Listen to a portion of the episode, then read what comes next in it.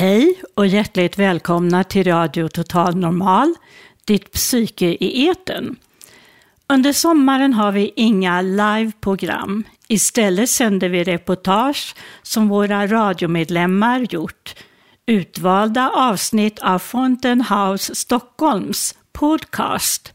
Smakprov från radiofontänen i Malmö, från fontänhuset Pelaren på Åland samt en del favoriter i repris av årets sändningar.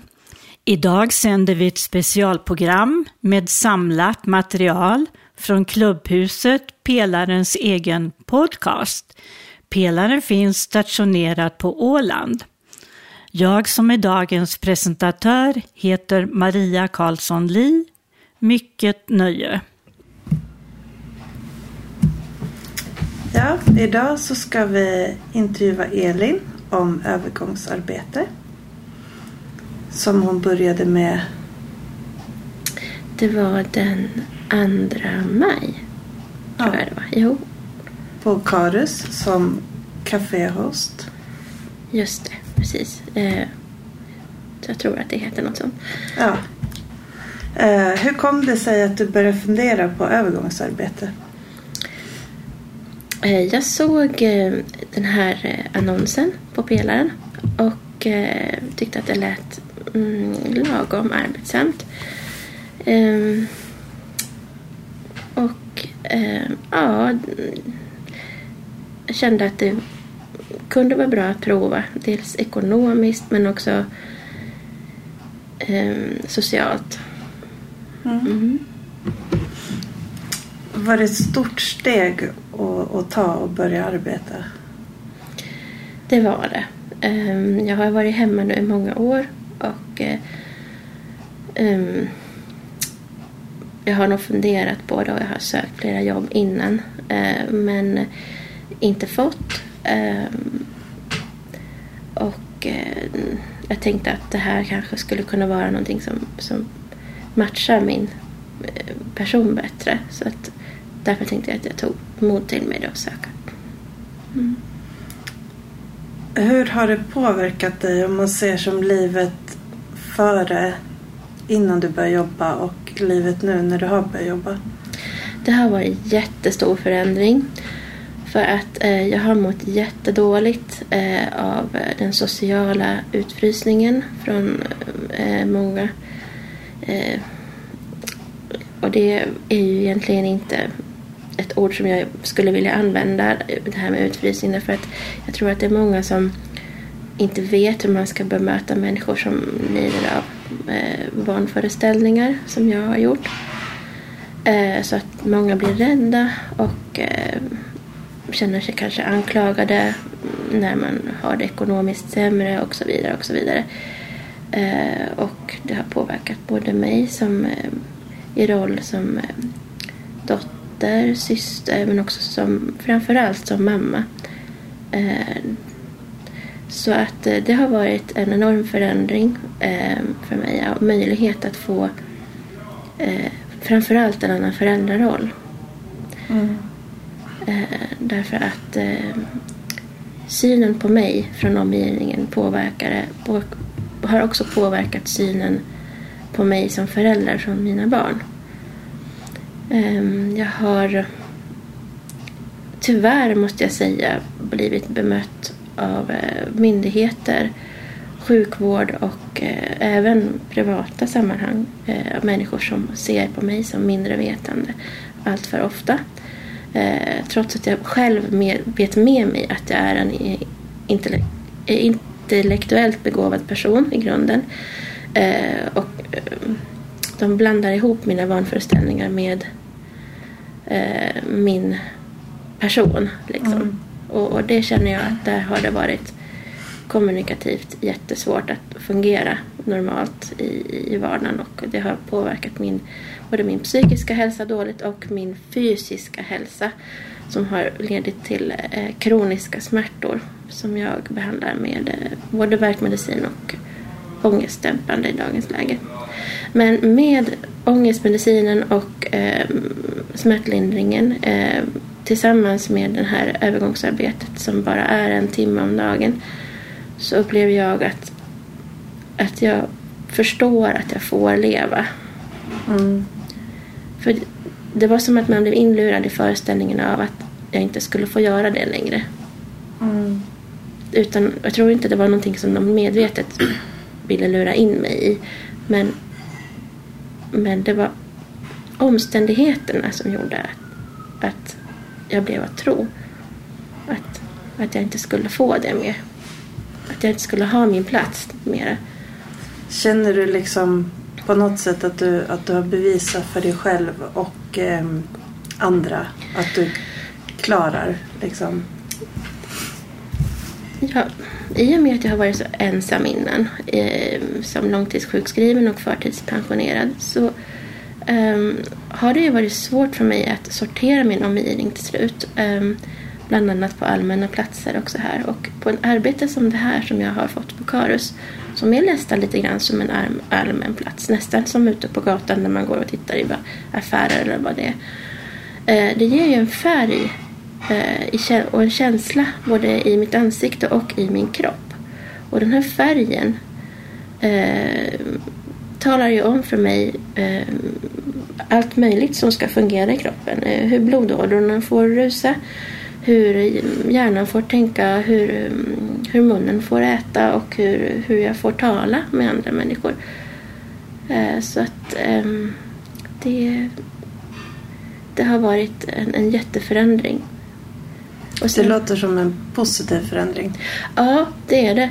Eh, nu, nu, nu, kan jag, nu talar jag bara för mig själv så jag kan ju inte säga exakt hur, hur andra människor i liknande situationer som mig skulle ha ha, ha klarat av arbetet eller eh, eh, ja, reagerat över situationen. Men det jag vill peka på är ehm, eh, att min, min möjlighet till den här arbetsuppgiften är visserligen främst en möjlighet och, och, något positivt för mig men också en jättestor parentes inför framtiden. Att eh, Eh, hur, vilket stort hål det är för just människor som är i min sits och har varit eh, i den här socialt svåra situationen att klara sig bland mm. människor. Att, eh, vilken fattigdom det är att, att det inte finns mer verktyg ute i samhället. Att hitta en, en kommunikativ eh, anletsvariant i människor Oavsett om man ringer till FPA, om man går in till ett försäkringsbolag, till banken eller betalar till eh, kassörskan ute i, i affären så, så är det ju ändå de människorna som man möter varje dag och pratar med varje dag som ger mig bekräftelse på att här är du du jag är glad att se dig och du, du kommer att finnas kvar här idag, imorgon, nästa vecka, nästa månad och nästa år. Och jag är oändligt tacksam över det. Och snälla, kom igen. För vi vill ha dig här, vi uppskattar dig och, och, och behöver dig. Mm. Du är viktig. Oavsett om du är trött och har ont och behöver vila en dag eller en vecka eller en månad. Eller fast ett år. Eller två. Det spelar ingen roll, man är alltid en del i ett sammanhang, ett socialt sammanhang. Och mm. där känner jag att, att, att det är synd att, att det ska behöva vara så. Men eh, fantastiskt att det finns möjligheter för de som har krafter över att försöka göra någonting åt sin situation. Mm. Um, hur känner du på, på Karus? Är det lagom arbetsbelastning? Till och från. Um, i och med att jag behöver smärtlindring eh, för att klara av min roll som förälder så är mm, min arbetsbelastning är en gråzon Egentligen så skulle jag ha, borde ha fått rätten att eh, länkas in på heldygnsvård eh, vid de tillfällen som jag bad om det. Jag har bett om det senaste året två tillfällen men har blivit nekad. De tyckte att jag såg för frisk ut. Eh, men jag har själv bedömt att min, mina kroniska smärttillstånd har varit just på grund av överbelastning. Så att jag har sett den här arbetsmöjligheten i och med mitt fysiskt dåliga tillstånd också som enda utvägen till mm. en förändring. Jag får inte vila, så mm. alltså måste jag arbeta. Mm. Så... Eh, känner du att du får tillräckligt stöd?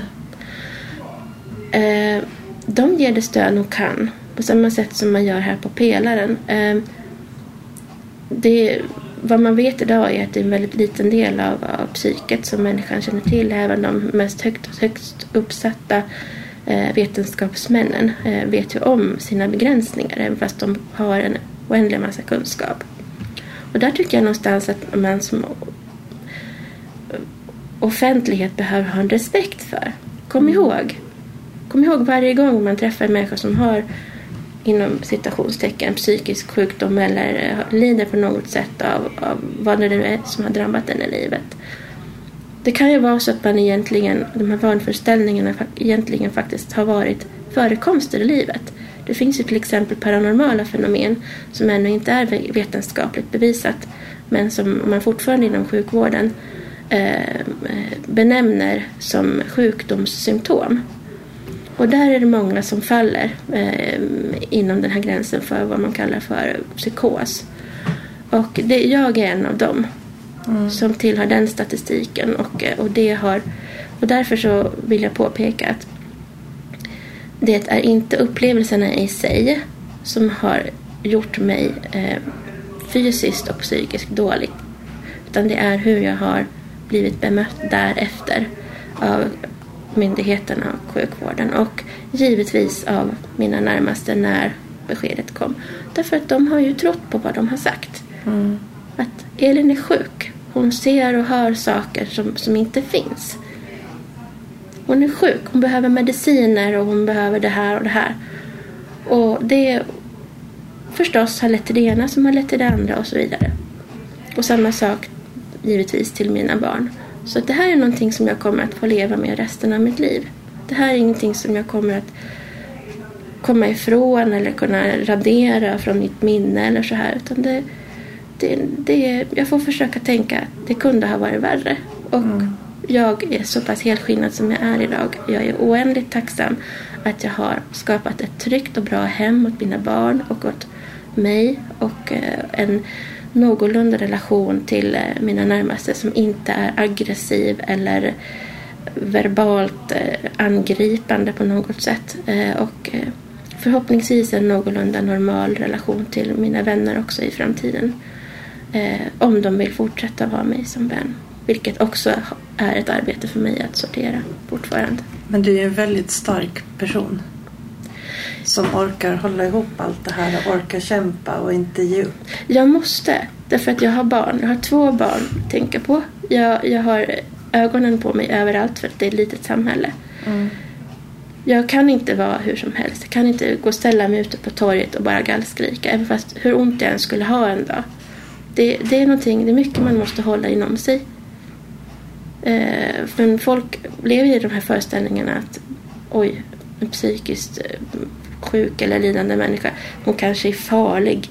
Eh, det, det, det är så medeltida så jag vet inte var jag ska ta vägen när jag hör de uttrycksformerna.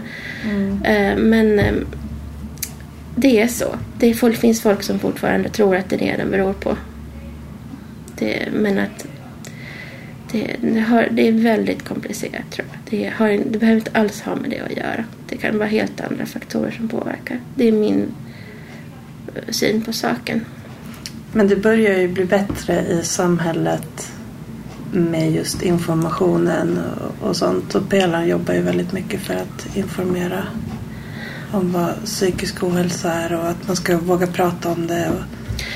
Vet du vad? Jag, jag nu ryser jag när jag säger det här men utan pelaren så mitt liv hade nog varit förlorat idag. Därför att det tog sju eller åtta år för mig att orka mig hit därför att jag levde i föreställningen om att jag var frisk. Mm. Och det var i höstas först. Hösten 2016. Och jag insjuknade inom citationstecken. Insjuknade för jag lever fortfarande i föreställningen om att jag var frisk. Och det menar de att det är en del av sjukdomen. Så det är väldigt motsägande alltihopa. Det faller ihop med varandra. Uh, hur som helst, hösten 2016 kom jag hit och sedan dess så var det som en aha-upplevelse. Men vänta nu. Det är ju människor som har upplevt i princip liknande saker som mig i och med att de har blivit, antagligen många av dem, väldigt socialt missbehandlade. Och eh, missförstådda på många sätt säkert.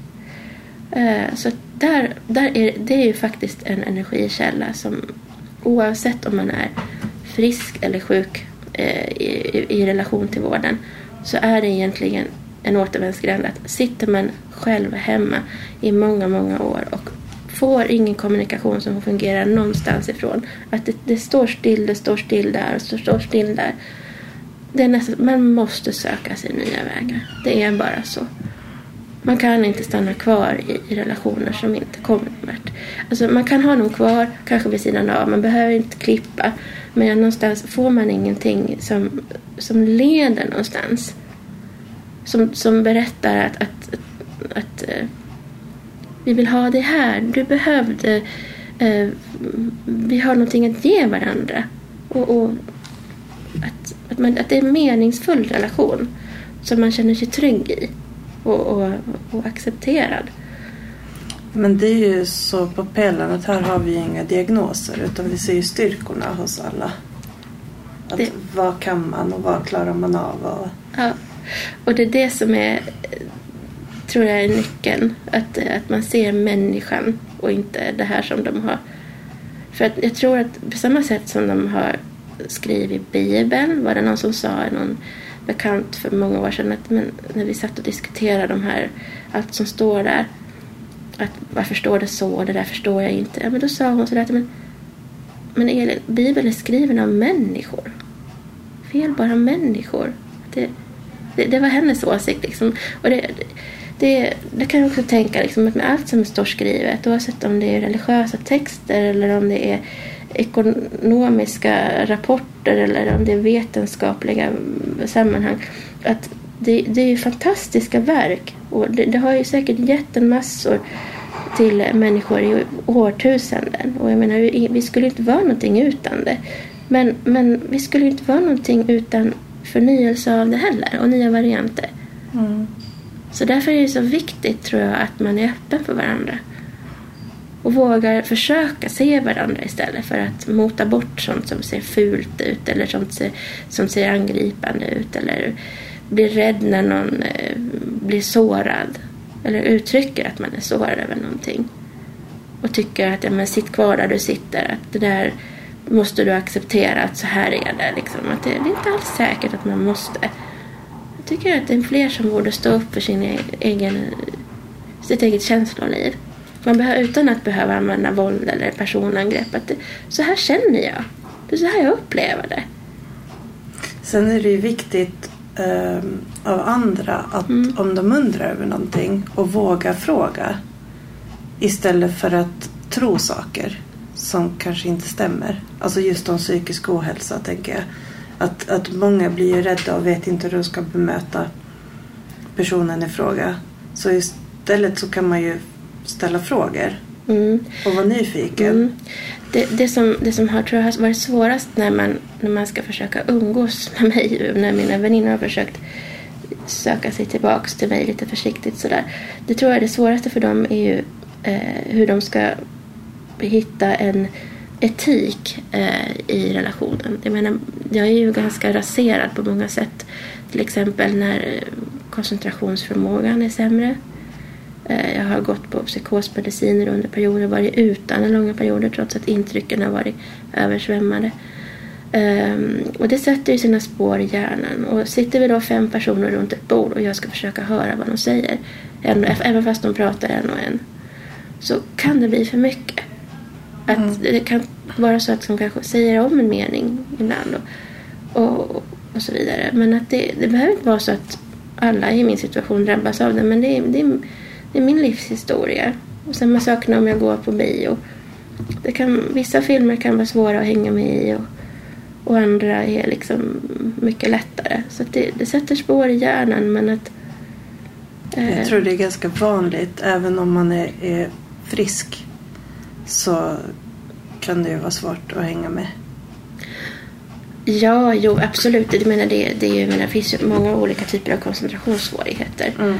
Och har man en gång haft, vilket jag säkert har haft ett släng av när jag gick i skolan för att eh, jag var ju extremt ambitiös men fick ändå liksom bara betyg som låg strax över medel. Så att eh, eh, hade jag inte haft koncentrationssvårigheter idag så hade jag säkert eh, varit akademiker. Men eh, eh, det är psykosen och intrycken i sig har jag gjort i och med att de andra intrycken från eh, eh, ekonomisk utsatthet och eh, den här sociala ut, utfrysningen är också ett intryck som är väldigt belastande, det som är väldigt arbetsamt. Jag sa till min mamma för ett par veckor sedan att vet du vad, när jag ser tillbaks nu när jag har börjat jobba, att jag har aldrig haft ett så tungt jobb som när jag var psykiskt sjuk. Mm. Jag har faktiskt aldrig det. Men, eh, och, och, och, så tänker man till sig själv att ja, men det där var ju onödigt. Jag kunde ju ha letat mig vidare och försökt hitta ett något liknande tidigare. Men, men det är så lätt att vara efterklok. Det är mm. det. Och... Eh, mm.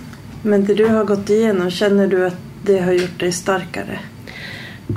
På många sätt. Eh, mognadsmässigt, ja. Jag har vuxit som människa, det har jag.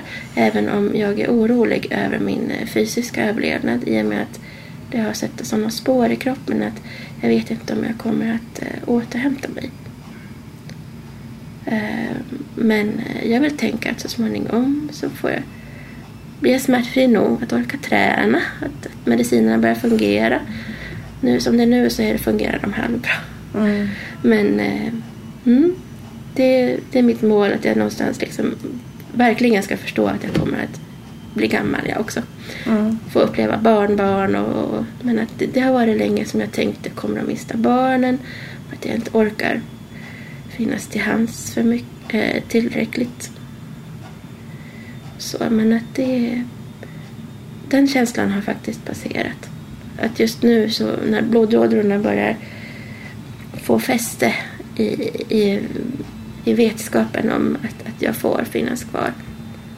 Då, då, då har det talat om för mig att jag får ha kvar mitt föräldraskap också. Du har gått väldigt långt framåt, tycker jag. Jag hoppas det. Jag hoppas det. Det, det, det är hemskt egentligen hur mycket man låter sig påverkas av sin omgivning. Mm. Det har jag hoppas att jag kan förmedla det till mina barn när de är gamla nog att förstå det. Att att vad ni än gör och vart ni än tar er här i världen och, och vad ni än företar er för arbeten eller utbildningar. Att det är ju en sak, det är, det är för er skull. Men hur andra människor får er att känna er, det är en helt annan. Och det är också det som är väldigt påverkande på hur de kommer att lyckas. Mm. Med sina egna mål, inte med andras mål. Mm. Att vad ni än gör, om ni tar en eh, studentexamen eller en akademikerexamen, det går fler tåg. Låt inte någon annan lura i er det. Att, eh, att, att det är kört för att man kör i de här ämnena och så vidare. Att det, det, det är någonting som de får för sig, eleverna. För det fick jag för mig när jag gick i gymnasiet eller, och, och skulle försöka komplettera på komvux. När jag fick underkänt i, i kursen i Excel till exempel. Då fick jag känslan av att det är nog ingen idé att jag fortsätter. Att det, men det, det, var det, det var deras arbete att sätta ett betyg på vad jag hade gjort. Ibland kan jag känna varför behåller de inte sina siffror och koder för sig själva och låter oss jobba i lugn och ro istället. För att stressa upp oss över hur, liksom, hur, vad vi inte har åstadkommit. Och istället fokusera på det här har du åstadkommit och det här har vi kvar. Mm. Punkt det räcker så känner jag. Men, eh, men någonstans ändå hitta ett känslomässigt förhållningssätt för barnen. Där, där man själv kan liksom någonstans ha en frihet över hur man förhåller sig till de här betygen. För jag tror att betygen kommer alltid finnas kvar. Mm. Oavsett var de än vänder sig. Om de ska studera i USA eller i England. Eller, men har de någonstans en, en um, stabilitet i sig. Där de själva väljer hur de tolkar sin egen känsla. Då hittar de styrkan. Mm. Det är min känsla. Det ska inte någon annan få styra över. Eh, jag har en fråga till. Mm. Skulle du rekommendera övergångsarbete till andra och varför? Oj. jättesvår fråga. Um, som jag egentligen känner att jag kan inte svara på för att jag blir jättefull av liksom mm, eh, på ett sätt kan jag känna att jag är jätteupprörd över det som har varit därför att det är Därför att det är först nu som, som eh, mina vänner och så här bekanta kan urskilja mig. Därför att det är nu jag fick ha en kroppshållning som var okej. Okay. Det var nu jag fick liksom ha färsk mat på bordet till exempel. Jag, jag, jag får säkert ha råd att köpa ett träningskort också. Och så vidare. Men att, att få ta hand om sig själv, få ta hand om sina sociala kontakter, få eh, ha råd att eh, ta med sin vän och bjuda ut henne på bio eller vad man nu vill. Det känner jag att det borde egentligen alla få göra. Få bli frisk utan att behöva för det, jag tycker man ska ha respekt för människors smärtgräns. Och alla, det är ingen som ska behöva bli sjukskriven för att tvingas lägga sig ner och dö. Av fattigdom eller eh, social utfrysning eller bli piskad till att ta ett arbete för att eh, få vara kvar här på jorden. Eller få ha kvar sitt föräldraskap. Där känner jag att där, där är jag rasande. Jag är rasande. Därför att det har gått åtta år av mitt liv nu. Min pojke blir nio år i höst. Och många år har gått förlorade. Inte i alkohol, jag har inte druckit eller använt narkotika. Men i social misär. Mm. Och jag har varit nästan skrämd ur livet. Av det. Mm. De höll på att skrämma livet ur mig. Så jag kan dock rekommendera det om man känner att man har styrka att försöka liksom, fortsätta leva. Men, men jag är väldigt kluven till frågan. Väldigt kluven. Mm. Det har, för mig, jag, jag har en den grundstyrkan i botten. Att jag klarar av ett övergångsarbete. Men jag har också varit så svag att jag har varit på väg att jag trodde att jag skulle dö. Mm.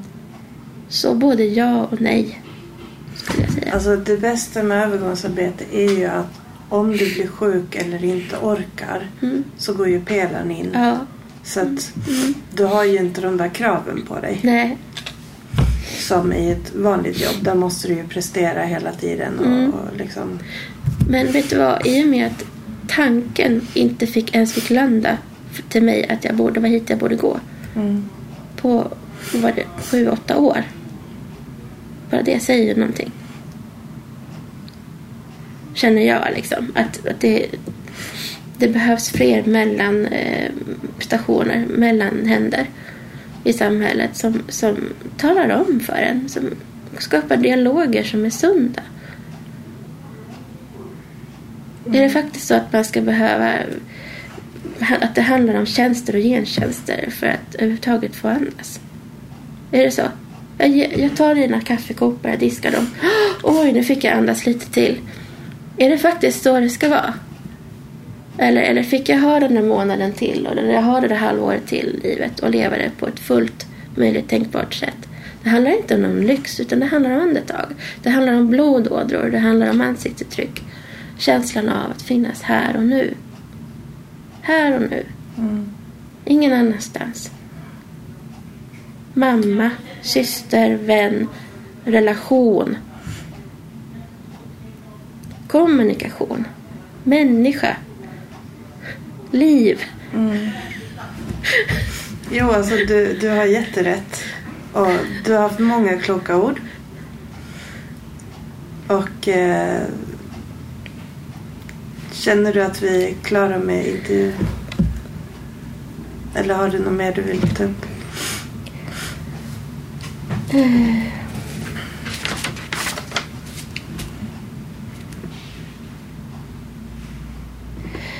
Ja, en sak till. Mm. Jag tycker att man borde förklara från psykiatrins sida när man ger en person som har barn förtidspension eller långtidssjukskrivning eh, information kring den sociala misären som väntar. Mm. Du har, det här är dina rättigheter, du har rätt att vara hemma. Vi har också skyldighet, tycker jag då, det tycker jag att de borde säga. Vi har skyldighet att tala om. Det finns inte sociala medel idag. För att sköta, det finns, pe- det finns pengar i tid och otid. Ibland blir man utan. Ibland eh, får de avslag och, och lämnar. Och det, så det, du tar det på egen risk. Därför att det är fullständigt livsfarligt. Mm. Det är det. Och det är många som förlorar sin föräldrastatus. Tycker jag man ska informera om. Mm. Mm. Det gjorde de inte till mig. Nej. Inte ett ord. Bara så du vet, skulle de ha sagt. Det, Mm. det här är... Det här kommer att hända.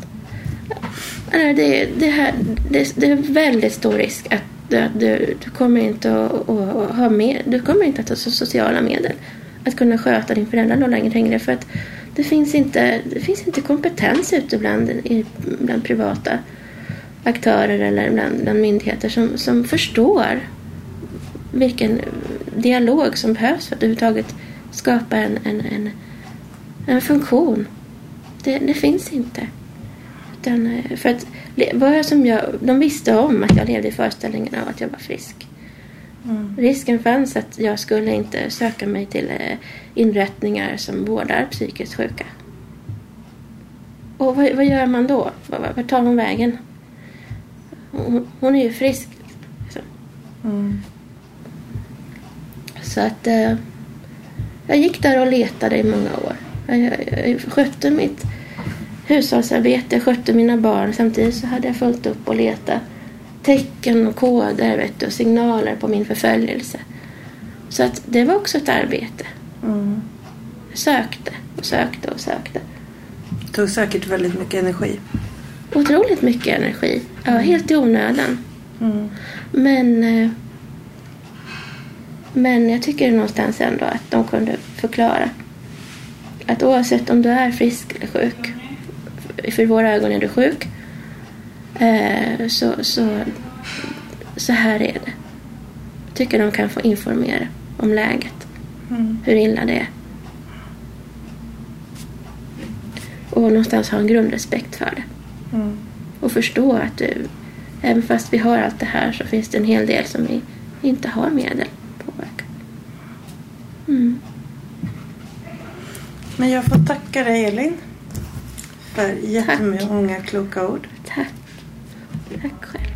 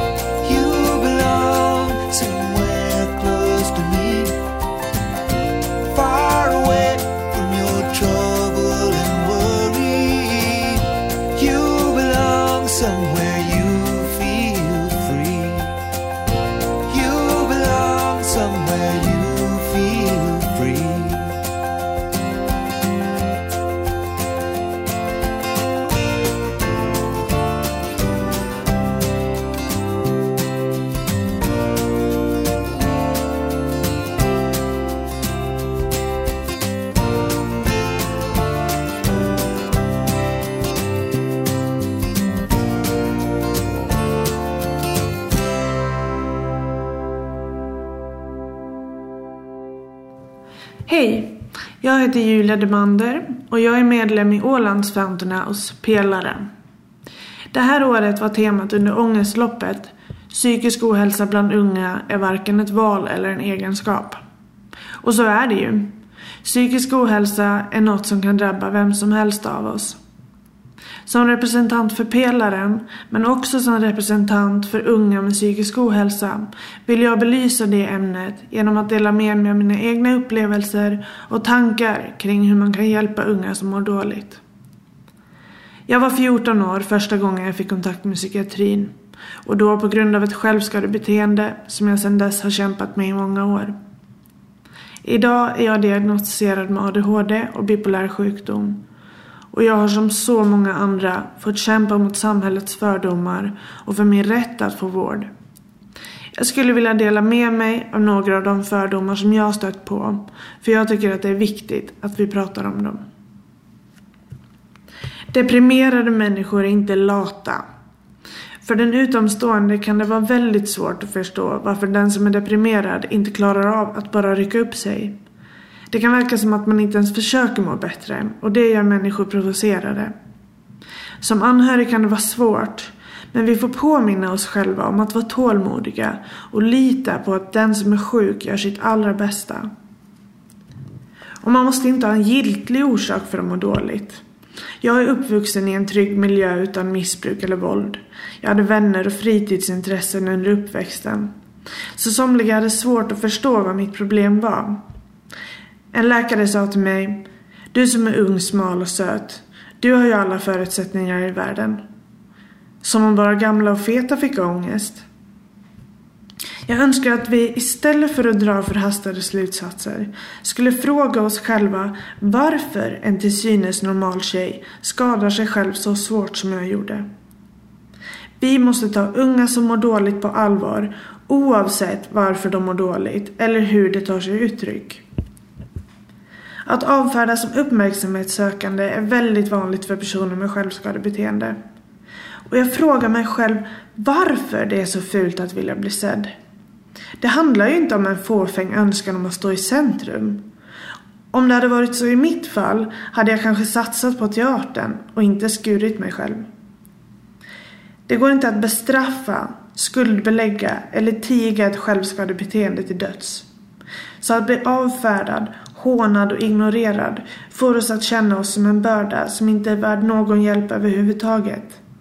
Vår rätt till vård ska vara lika självklar som för alla andra. Så vad kan vi i samhället, medmänniskor, vårdpersonal och politiker göra för att hjälpa och stödja de unga som mår dåligt? Jag tänker lite så här. Tänk att det lika gärna kunde varit du. Och förutsätt aldrig att någon vill må dåligt. Tänk själv. Vad skulle krävas för att jag själv skulle välja att skära i min egen kropp? Försök komma ihåg att personen inte är så mycket annorlunda än du. Och prata om det. Prata om psykisk ohälsa. Skäms inte för att du har kontakt med psykiatrin, lider av ångest eller äter antidepressiva läkemedel. Berätta när du har ångest. Man ska inte behöva komma ut med sin psykiska ohälsa. Det ska inte behöva vara krångligare än att berätta att du har diabetes. Vi som medmänniskor behöver inte lösa problemen för den som mår dåligt. Vi behöver bara sitta bredvid och finnas till.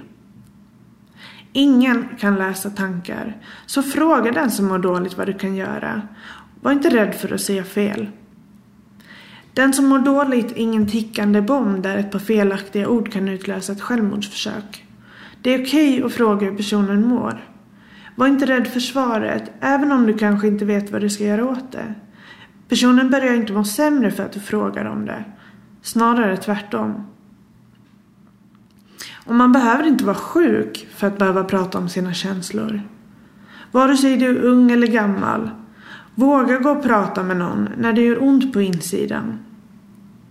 Själslig smärta är normal och behöver ses och bekräftas.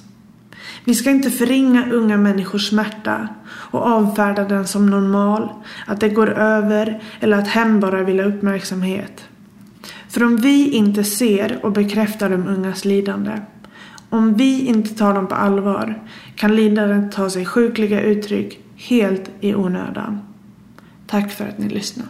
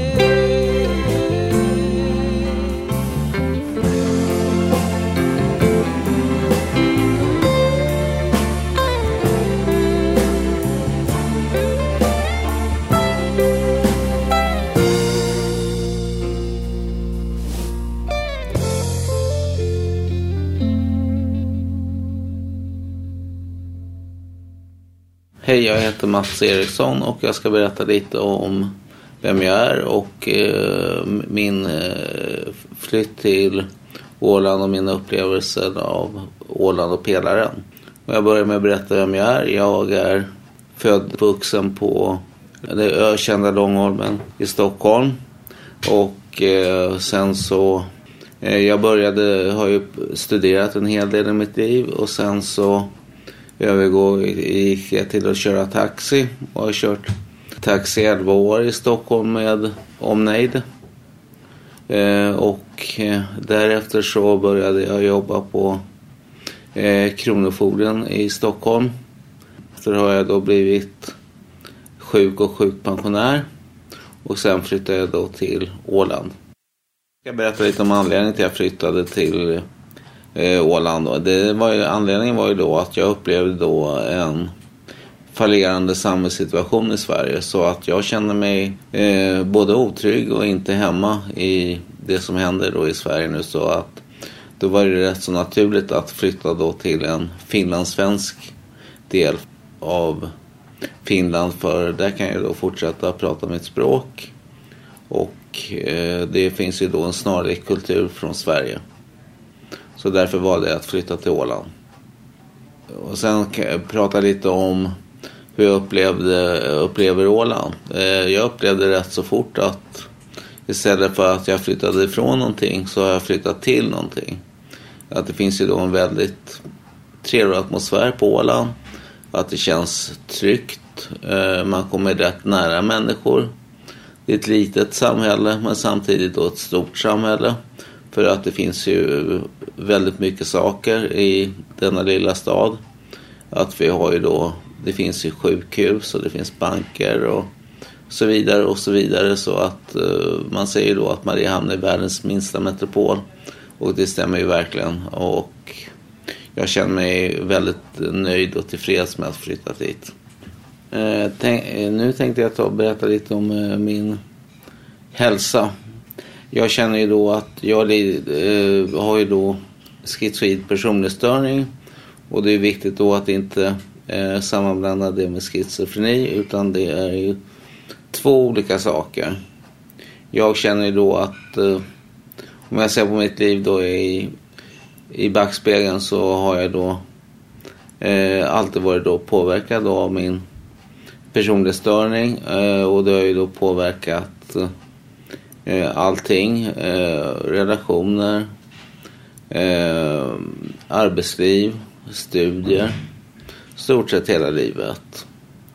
Och eh, för ungefär en eh, kan, fyra år sedan så började jag känna av en del fysiska symptom och sen konstaterades det för ett par år sedan att jag då lider av multipel skleros, MS kort sagt. Och Eh, det har ju då handikappat mig och eh, nu sitter jag då i rullstol mesta delen av tiden. Så att eh, det finns ju då en liten absurditet att då min fysiska sjukdom har ju då påverkat min, min mentala sjukdom eller personlighetsstörning. Har ju då gjort eh, att mina mentala problem har ju då blivit mindre. Och det låter ju lite absurt men en del är då i schizoid personlighetsstörning. Är ju då oftast att man eh, har ett eh, stoiskt beteende. Och det är klart att då tillfredsställer man ju de behoven. Stoiskt eh, det är kort sagt att man eh, man, man reser sig då med svårigheter i tillvaron och det är en kort sammanfattning på vad det är komma till pelaren? Eh, jo, rätt så fort genom att eh, såg jag då att det fanns ett Fountain House på, i Mariehamn och jag det liksom blev tänkte rätt så fort att dit ska jag gå. Eh, men det var ju mycket i flytten då att göra.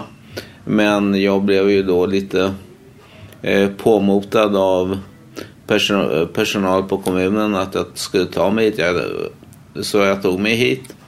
Eh, upplevde direkt att jag blev då bemött på ett vänligt och trevligt och öppet sätt. Så att eh, jag trivs här helt enkelt. Det är liksom det komma hit och vara delaktig. Man blir väldigt lätt delaktig. Eh, blir bemött på ett bra och trevligt sätt. Ja, jo, men jag försöker i den mån det går vara delaktig i verksamheten. Jag är ju begränsad då med min fysiska handikapp. Men det, det beaktar man ju då på ett väldigt bra sätt. Nej, men det känns bra att vara här helt enkelt. Jag bland annat sysslar med lite sitta i receptionen och då med outreach till medlemmar som inte är som man kanske har inte varit så mycket i kontakt med oss på pelaren senaste tiden. Sen brukar jag vara delaktig i att eh, svara telefon och eh, brukar även vara delaktig i att räkna kassan.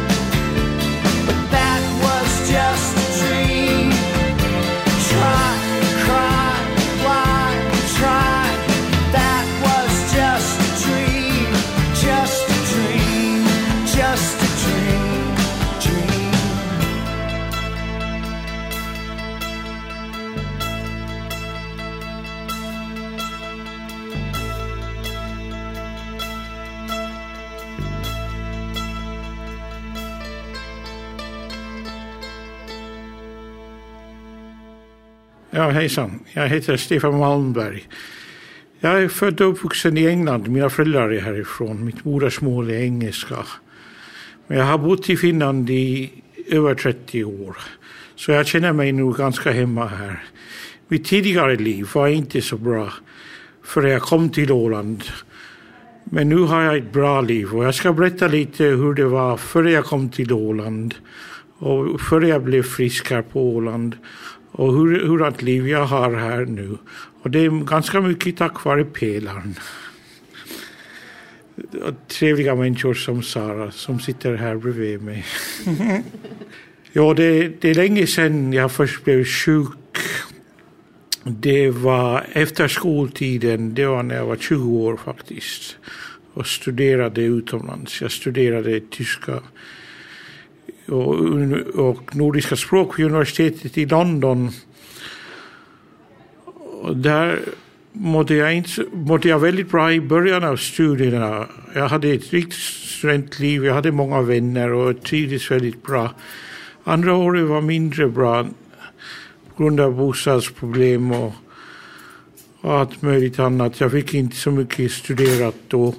Och sen får jag till Tyskland för att studera vid, vid ett tyskt universitet i Tübingen. Och där var det väldigt opersonligt och jag, jag, jag, liksom, jag tappade bort mig inom systemet. Jag gick på några kurser som inte passade mig, som jag inte tyckte var så bra. Sen satt jag på biblioteket och jobbade i några veckor. Jag satt på biblioteket i några veckor, några, några veckor och jobbade för mina studier i London. Och resultatet var att jag insjuknade i en psykos. Jag insjuknade i en manisk psykos. Jag visste inte att jag var sjuk då. Jag, jag, jag tänkte kanske att jag var bara deprimerad, men det var en psykos. Så får jag tillbaka till England och så fick, visste ingen annan vad jag hade för fel heller tills jag hamnade på sjukhus. Och sen fick jag, såg jag en psykiater som behandlade mig och gav mig de, depressionsmediciner som fick mig på benen åtminstone. Men jag hade missat några viktiga tentor och mina studier i, i London så jag måste stanna hemma hos mina föräldrar ett år innan jag kunde fara tillbaka till London och, och ta upp av mina studier. Vilket jag sen gjorde och fick väldigt höga vitsord. Vilket jag är glad över. Att jag kunde göra det. Och så kom jag till Finland för att forska som stipendiat av undervisningsministeriet. Och jag mådde bra i början. Men sen blev jag en gång väldigt berusad. Jag drack väldigt mycket och jag blev väldigt berusad och det utlös, utlöste en, annan, en ny psykos. En manisk depressiv psykos. Och jag var väldigt nere och jag såg en läkare i England när jag for tillbaka till julen och han sa att det, det går nog om du, det är ingenting att jag kan göra. Och sen får jag tillbaka till Finland och skrev en uppsats som sen publicerades. Samtidigt som jag var på väg i en manodepressiv psykos. En, jag, var, jag var manisk. Jag blev väldigt aktiv. Jag började springa och skida. Jag dansade. Jag var väldigt över, överaktiv. Och, och drack väldigt mycket förstås, som jag gjorde på den tiden. Och sen fick jag ett sammanbrott på sommaren efter det. När vi var på vår um, sommarstuga som mina föräldrar hade då. Och jag fick en... Jag var sjuk i flera månader innan jag fick mediciner som passade mig. Jag fick mediciner i England då som passade mig, som hjälpte mig på benen. Och efter att ha kommit på benen så får jag tillbaka till Finland och fortsatte studera. Och sen tog mina pengar ta slut så jag måste börja jobba. Jag hade ingen diagnos på den tiden. Jag måste jobba så jag började jobba som lärare. Och tyvärr så insjuknade jag på nytt som lärare. Jag tog depressionsmediciner och insjuknade. Jag missbrukade alkohol och insjuknade i en ny psykos. Och fick ett sammanbrott igen som lärare. Och Ehm, det, var, det var väldigt olyckligt. Men eh, såna, de vårdare som jag har talat med har sagt att du, du ska inte ha så dåligt samvete för det. Det, det, var, det som hände dig då var inte ditt fel. De kunde, skolan kunde ha tagit hand om mig. De gjorde det inte. Ingen visste att jag var sjuk. Och så får jag tillbaka till England, till Skottland ett år och gjorde Applied Linguistics vid Edinburgh University som gjorde mig kompetent som för universitetslärare i engelska. Och där klarade jag klarade kursen och hade många goda vänner och trivdes väldigt bra där. Och sen kom jag tillbaka till Finland och hade, tog fortfarande mediciner, depressionsmediciner. Och jag måste börja jobba igen eftersom jag inte hade någonting att leva på. Och jag undervisade vid Åbo Akademi ett år och sen var jag i Riga i Lettland ett år på depressionsmediciner. Vilket var starkt tufft. Och eh, jag skrev en artikel om det också när jag kom tillbaka. Och sen var jag i Vasa. Där jag, efter att när jag var, det var före jag for till Vasa så var jag på Gräsby sjukhus. Där fick jag min första diagnos, manodepressivitet, bipolar bipolär. Och eh, jag fick lite litium, fick det för första gången och kom på benen och mådde riktigt bra. Och de sa, alla sa till mig att jag kunde återgå till min karriär, kunde börja jobba igen. Ingen sa till mig att du borde inte jobba vid ett universitet. Jag, jag, jag, jag, tog, jag lyssnade på deras råd. Jag får tillbaka, jag får till Vasa den här gången och jobbade på Engelska institutionen vid Vasa universitet ett år och där blev jag tyvärr trakasserad av mina kollegor av professorn som inte tyckte om min bakgrund och inte tyckte om mig. Jag, han, jag blev psykotisk på nytt och jag visste inte att jag var psykotisk. Jag skötte det inte. Det, det var 1995. Efter det så kom jag tillbaka till, till Åland. Och jag var utan jobb. Och efter, efter en viss tid på sjukhus. Jag var på sjukhus två hösten 97 var jag på sjukhus. Och sen fick jag äntligen en pension, en jag hade min diagnos redan men nu fick jag min pension. Och eh, då kunde jag då kunde jag känna det var en underbar frihet. Jag kunde göra vad jag ville, jag behövde inte jobba mera. Jag fick lite pengar. Min mamma bodde här på Åland så jag såg henne. Jag hade inte så många vänner i början av min tid på Åland men sen efter en viss tid så har jag fått många goda vänner bland annat här på klubbhuset Pelaren. Och det har hjälpt mig mycket att komma ut och träffa människor istället för att bara sitta hemma i lägenheten på dagen.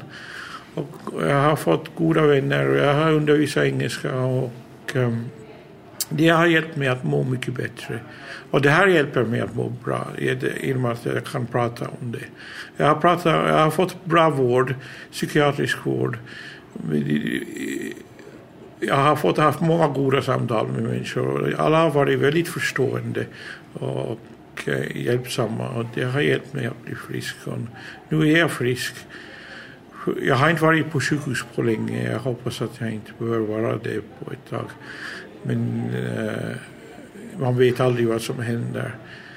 Men tack vare omständigheterna, min pension och mina intressen, Socialdemokraterna och pelaren och eh, min nu, nyvunna frihet här på Åland och där folk har varit väldigt trevliga med mig så har jag börjat må bra igen efter en lång tid och nu är jag frisk.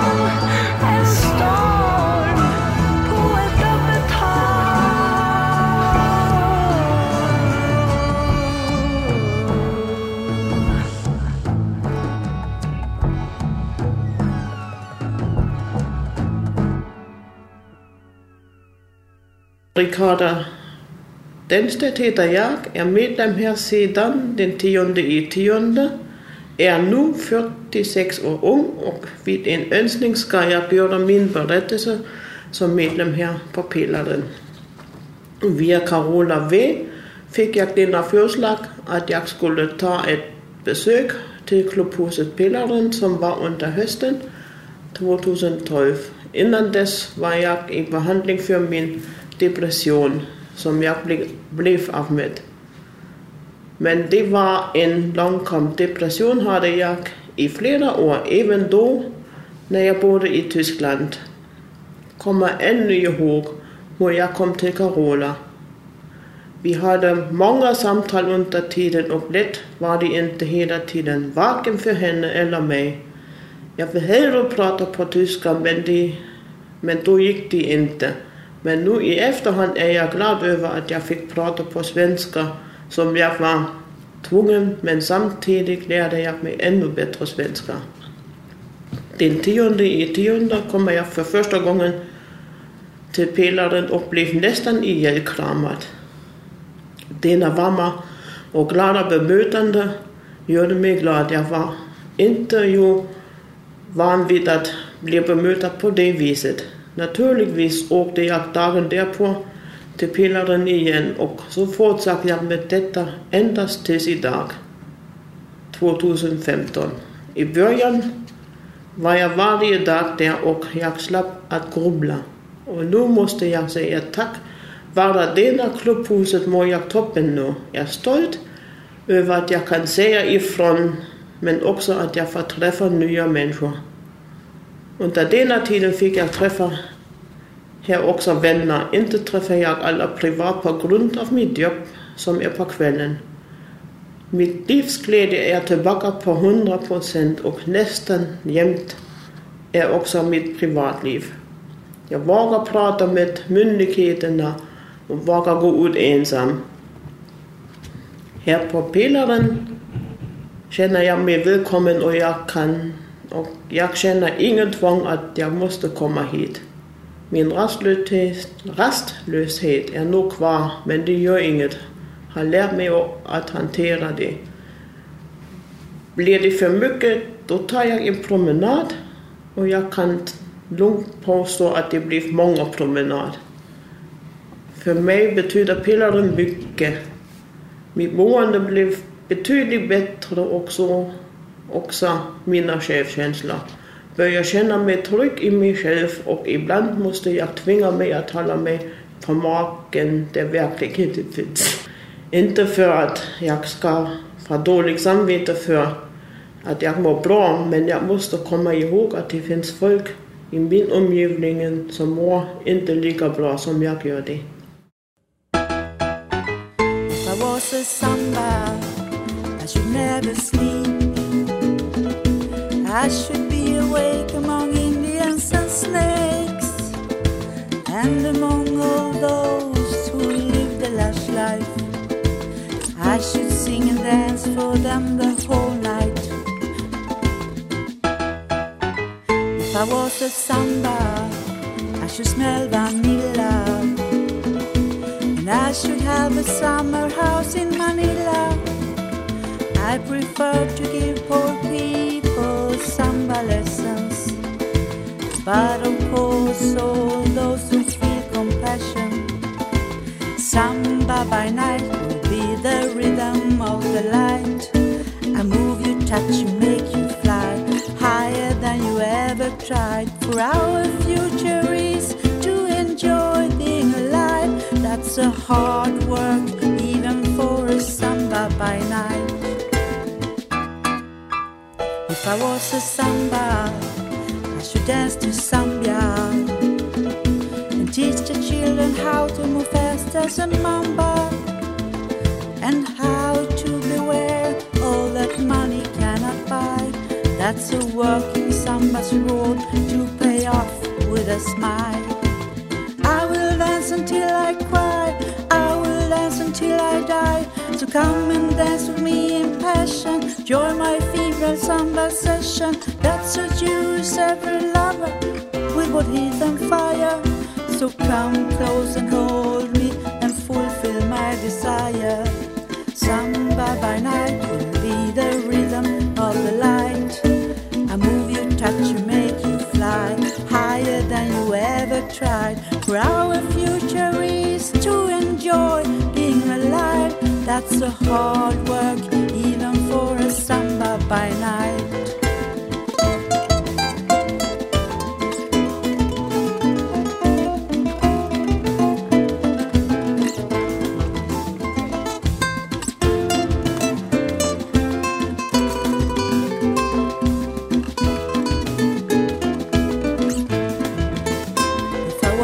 Samba, I should dance at Copacabana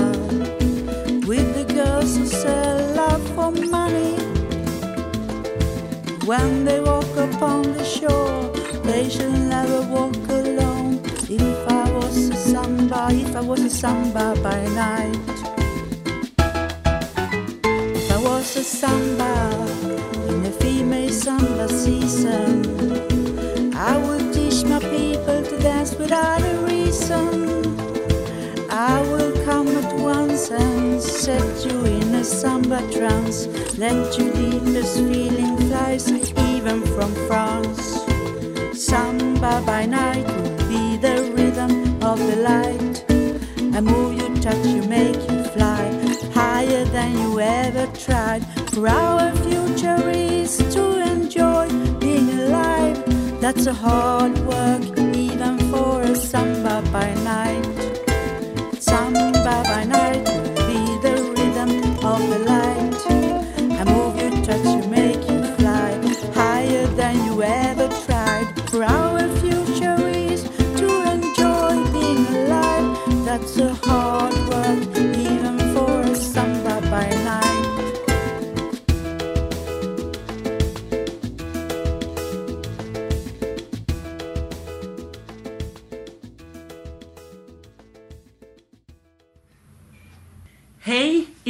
Vi göra en intervju med Rosi som är medlem nummer 93.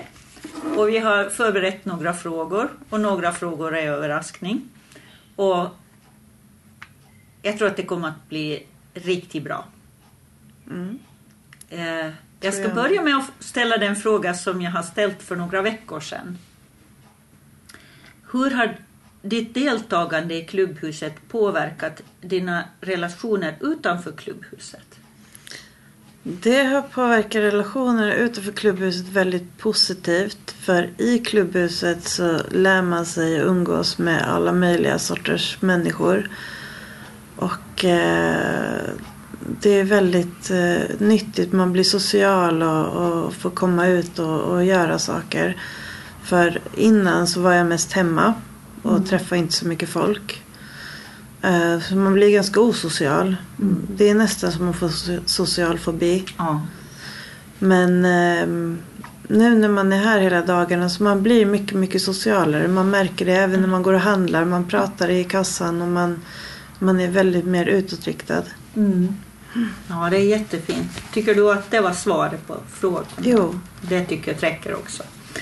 Du ska ställa de frågorna som jag har skrivit här nu imorgon, på morgonen och, och de ska tänka att det är bra att det finns en överraskning. Det är ingenting du ska tänka på. Du ska bara säga det som kommer för dig nu när jag frågar de här frågorna och du ska inte ta dem så allvarligt. Hur gammal var du när du först sökte hjälp? Eh, 25 var jag. Mm. Hur lång tid tog det innan du upplevde att du fick någon form av hjälp? Jag fick nog hjälp på en gång men det tog väldigt länge innan jag fick diagnos. Och sen så tog det väl tio år innan jag hade fått så pass bra hjälp att, att det faktiskt funkar för mig. Okej. Att det var väldigt mycket försök hit och dit och Ja. sånt innan det verkligen funkar. ja, jag tycker det är ett väldigt bra svar. Mm. Då kan jag gå till fråga nummer tre eller fyra, då, men de här är som tre frågor tillsammans. De här två frågorna ställer jag för att kunna ställa den tredje. Om du skulle välja din framtid, vilken yrkesutbildning skulle du påbörja idag? Alltså jag funderar ju på att studera till merkonom. Ja, Så det är något som jag vill jobba med. ja, Någonting administrativt, kontor, ja bank, någonting sånt. Mm. Då kan jag ställa en följdfråga som kommer ut av ditt svar. Då. Eh, här i klubbhuset nu så har det hunnit hända, du har varit ganska länge här och det har hunnit hända. Och om man inte liksom går vidare med sin utveckling så till slut så börjar det bli lite tråkigt. Då måste man själv ta initiativ vad man ska göra. Och tror du att det här som du nu tänkte på skulle kunna vara en sån sak att du skulle kunna börja jobba på? Se hur du skulle kunna börja jobba på det eller, eller känns det som en utopi? Alltså i klubbhuset så håller jag på väldigt mycket administrativt Ja. och jag sitter på kansliet. Ja. Det, det är det jag har valt att göra. ja. Så jag, jag gör ju faktiskt ganska mycket av det som jag vill jobba med sen. Att man lär sig väldigt mycket här. Ja. Så du upplever att ditt självförtroende har stärkts på det här området också? Jo, för att innan jag började på klubbhuset så tänkte jag att nej, jag kommer nog bara vara hemma. Att Mm. jag kommer nog inte studera eller någonting utan det är nog ganska kört för mig. Mm. Sen började jag i klubbhuset och jag kände att men jag klarar ju faktiskt av en hel del och jag har lärt mig jättemycket här. Mm. Och då kände jag att nej men studera är nog någonting för mig. Ja. Jag kanske vill fråga ännu en fråga. Har du förväntningar på att här via klubbhuset att du skulle kunna komma i något typ övergångsarbete som har med det här området att göra? Jo, men tyvärr finns det inte sådana övergångsarbeten nu. Men skulle det komma så ska jag söka, absolut. Jag har ju det under behandling faktiskt, som Mm. jag vet om. Jag hoppas att det ska gå vidare med det. Mm, jo, det saknas lite av det här äh, mer administrativa jobbet. Nu är det mest fysiska jobb. Ja. Det skulle behöva vara lite annat också. Ja. Jag vet inte om jag ska sluta här. Hur känns det för dig? Eller vill du att jag fortsätter att fråga? Nej, det känns nog okej. Om du inte har någon mer fråga. Ja, det är en fråga som jag sådär snudd med. Jag, jag har inte den formulerad. Men det handlar om vad klubbhuset är. För klubbhuset är den arbetsinriktade dagen. Men vi är ju också det att vi finns här som stöd för varandra. Och då finns det ju en riktlinje som säger så här att vi, vi ska liksom undvika att vara den här axeln som man får luta mot. Det är kanske så att det är ganska belönande att man känner det, att man vill så gärna vara men ibland, så om man inte själv mår så bra så märker man att hur man måste göra de här prioriteringarna. Och att det är verkligen viktigt att man fattar att man är här för sin egen skull. För att man, var och en har sin egen utveckling. Och försöker man bli för mycket stöd för någon annan så missar man någonting där. Det är inte samma som att man inte bryr sig om andra, men det är inte liksom ens huvuduppgift här. Så hur upplever du det där? Att, att tycker du att det går att välja? Nu vill jag göra det här, nu vill jag göra det här. Tycker du att det är lätt att välja vad du gör? Alltså, Ursäkta att jag ställer verkligen, men du pratar om Vi kaffeprat gör och en det- och det- podd här, ursäkta. Ah, det borde stått en Det gör ingenting. Det gör ingenting. Okej, då ska jag inte gå med. Och det var ju intressant att vi blir lite störda här. Det är ju just det här som egentligen jag, jag syftar på med den här frågan. Upplever du att det är lätt att vara fokuserad på nu ska jag göra det här? Ibland så ska man vara social, ibland så har man en uppgift. Tycker du att Jag du kan tycker- välja där? Jo, jag tycker att man kan välja väldigt bra att när man jobbar med någonting så jobbar man med någonting. Men i klubbhuset så hjälps man även åt. Att man hjälper varandra. Att är det någon som behöver hjälp med något så då hjälper man ju självklart till. Att det ska ju vara för alla. Du känner inte att det blir en sån här inre kamp att du ska tänka på att det här är den arbetsinriktade dagen. Man kanske bara vill, bara vill vara ibland. Men det är ju okej också. Men framförallt så om det blir för mycket av den här sortens att du bara liksom sitter och umgås så blir man lite man blir inte så nöjd med sig själv. Så upplever jag det. Jag jobbar ganska mycket när jag är det? här. Jag, Ja. tycker, jag tycker det är roligt och jag hittar på ganska mycket uppgifter själv. Oj, som fint. jag kan göra. Vilket härligt svar. Jag tycker att det här blev ett fint slut. Ifall du vill att vi slutar här så kan vi fortsätta och göra en liten annan inriktning i en annan podd. Men jag får tacka för intervjun. Tack. Jätte, Tack ska du ha. Jättebra Tack. frågor.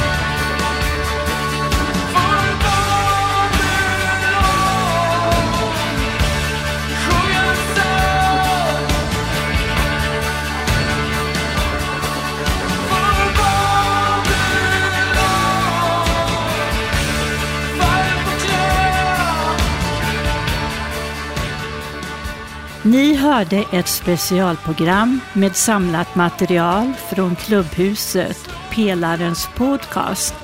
Pelaren är stationerad på Åland. Vi sänder specialprogram och repriser fram till och med 24 augusti. Nästa livesändning blir 31 augusti. Du kan alltid lyssna på oss på www.radiototalnormal.se eller på Soundcloud och iTunes. Du kan också hitta oss på Facebook, Twitter och Instagram. Radio Total Normal drivs av föreningen Fazingo med stöd från Socialstyrelsen och Fountain House Stockholm. Tekniker var Benny Rodin, Gabriel Wikeder och Gustav Sondén. Producent Malin Jakobsson och Kristina Skippa. Ansvarig utgivare Bodil Lundmark. Musiket i programmet valdes av redaktionen och jag som var dagens presentatör heter Maria Karlsson Li. Tack för att ni har lyssnat.